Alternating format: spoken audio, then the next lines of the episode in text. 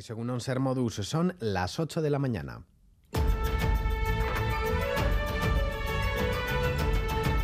Crónica de Euskadi con Lier Puente. PNV y PSE apuestan por reeditar su pacto y seguir gobernando juntos, aunque siguen trabajando en el acuerdo programático. Mediante un comunicado de pocas líneas, insisten en el compromiso de Gelzales y socialistas de garantizar la gobernabilidad y el respeto a la pluralidad. En Ecuandueza, secretario general del PSE. Un acuerdo que suma voluntades y que desde luego pretende mejorar la calidad de vida de la ciudadanía vasca. Hoy los socialistas vascos estamos satisfechos por el trabajo hecho, por el resultado obtenido en las urnas y sobre todo porque somos conscientes que estando en los gobiernos vamos a hacer posible que esa calidad de vida mejore día a día. Un acuerdo que deja fuera al PP necesario, por ejemplo, en Guipúzcoa o Gasteiz. Acuerdo de dos, ha insistido en Gambara el buruquí de Gelzale, Coldo Mediavilla.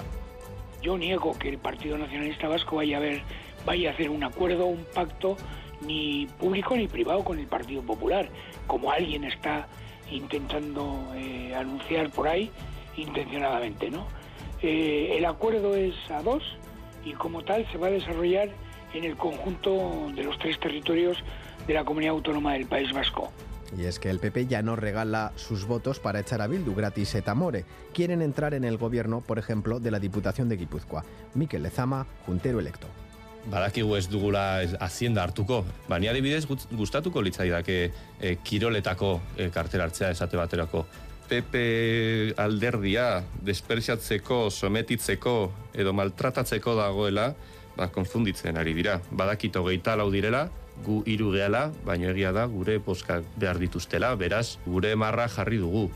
Los pactos y la geometría variable será el tema central del Parlamento en las ondas que comenzará dentro de una hora. Por otro lado, el colectivo de los herchañas autodenominados a sindicales protestan a esta hora frente al BEC, que acoge hoy una OPE de herchañas para seguir dejando claro al Lendakari que necesitan soluciones para mejorar la seguridad pública vasca. Ayer también cargaron con dureza contra el consejero Ercoreca pidiendo su dimisión después de que el jueves cortaran duramente una hora, durante una hora, el tranvía de Gasteiz sin que sus compañeros de servicio hicieran nada. El Departamento de Seguridad ha confirmado que ha abierto un expediente para depurar responsabilidades, tanto entre los que se manifestaron como entre los que no actuaron para restablecer el orden. Josué Ercoreca, consejero de Seguridad.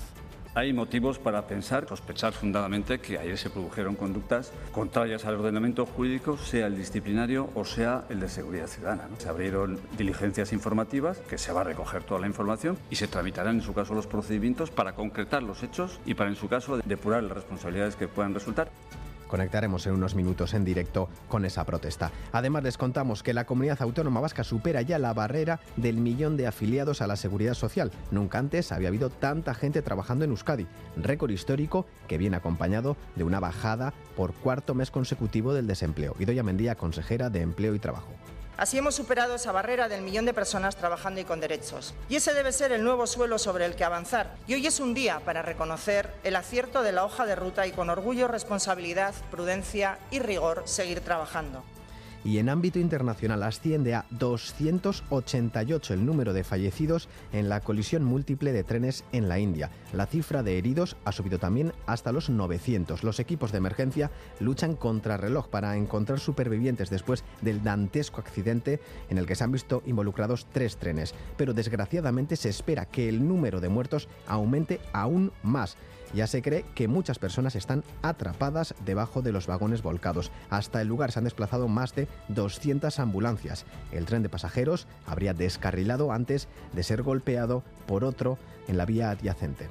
अभी सारा का सारा focus rescue पे है और complete focus है जिस तरह से El ministro de Transportes indio se ha acercado hasta el lugar. Eh, centran todo su esfuerzo en el rescate, el traslado de los afectados y ofrecer información correcta a los familiares. Afirma que el comisionado de seguridad ferroviaria de la India indagará la causa del accidente que por el momento deja 288 fallecidos. Conozcamos también los titulares deportivos con John Zubieta. Egunon. Hola Egunon. Ipurúa acoge esta tarde el primer partido de los playoffs por el ascenso a primera entre el Eibar y el Alavés. El segundo encuentro se jugará el jueves en Mendizorroza. Hablamos también de Luis de la Fuente, que ha convocado para la Europa Nations a Lenormand, Merino y Zubimendi de la Real Sociedad, a Unai Simón y Nico Williams del Athletic y a David García de Osasuna. También figuran Kepa del Chelsea y el rojo y blanco Lapor del Manchester City. En la selección sub-21 están los realistas Pacheco y Barrenechea, los rojiblancos Aguirre Zabala, Paredes y Sanzaet, del Valencia el guipuzcoano Guillamón y de Osasuna Aymar Oroz. A ellos les espera el europeo de Georgia y Rumanía. Asimismo, la Morevieta intenta en Urriche el asalto de la Copa de Campeones de la Red 1 ante el Racing de Ferrol en partido de ida de esta eliminatoria. Baloncesto, el GBC cayó por 71-83 en el tercer partido por el ascenso a ACB ante el Leima Coruña. Mañana al mediodía se jugará el cuarto partido. En balonmano, hoy se acaba la Liga Sobal. El Vidasoa juega esta tarde en Artalecu ante el Puente Genil. Será un duelo especial con varias despedidas, como las de Julen Aguinagalde. Asimismo, el Anaitasuna juega en Benidorm. Eh, en cuanto a golf, John Ram es séptimo en el Memorial Tournament de Estados Unidos al término de la jornada de ayer. El golfista de Barrica está a cuatro golpes del líder, el estadounidense Justin Suss. Y además, en el Misuo Americas Open de Estados Unidos, Carlota Figanda está decimotercera a cinco golpes de la cabeza. Y la información meteorológica de Euskalmet con Egusquiña y Turrioz. Egunon. Egunon, seguimos con tiempo inestable. Durante la mañana el ambiente será relativamente tranquilo. Tendremos alternancia de nubes y claros. No obstante, durante la tarde la inestabilidad será acusada. Se irán formando nubes de evolución diurna y se producirán chubascos tormentosos. Los chubascos serán más probables en el interior, en zonas de montaña, pero también podrían afectar a otros puntos. Además, localmente podrían ser fuertes e ir acompañados de granizo, granizo pequeño. El viento será flojo y variable por la pero en las horas centrales predominará el viento de componente norte. Por este motivo podrían bajar un poco las temperaturas en la vertiente cantábrica, pero aún así tendremos valores primaverales con máximas en torno a los 25 grados. Reciban un saludo de los compañeros y compañeras de redacción que hacen posible este informativo, también de Maitán Eugedo, Jesús Malo y Paula Asensio desde la parte técnica. Son las 8 y 7 minutos. Comenzamos.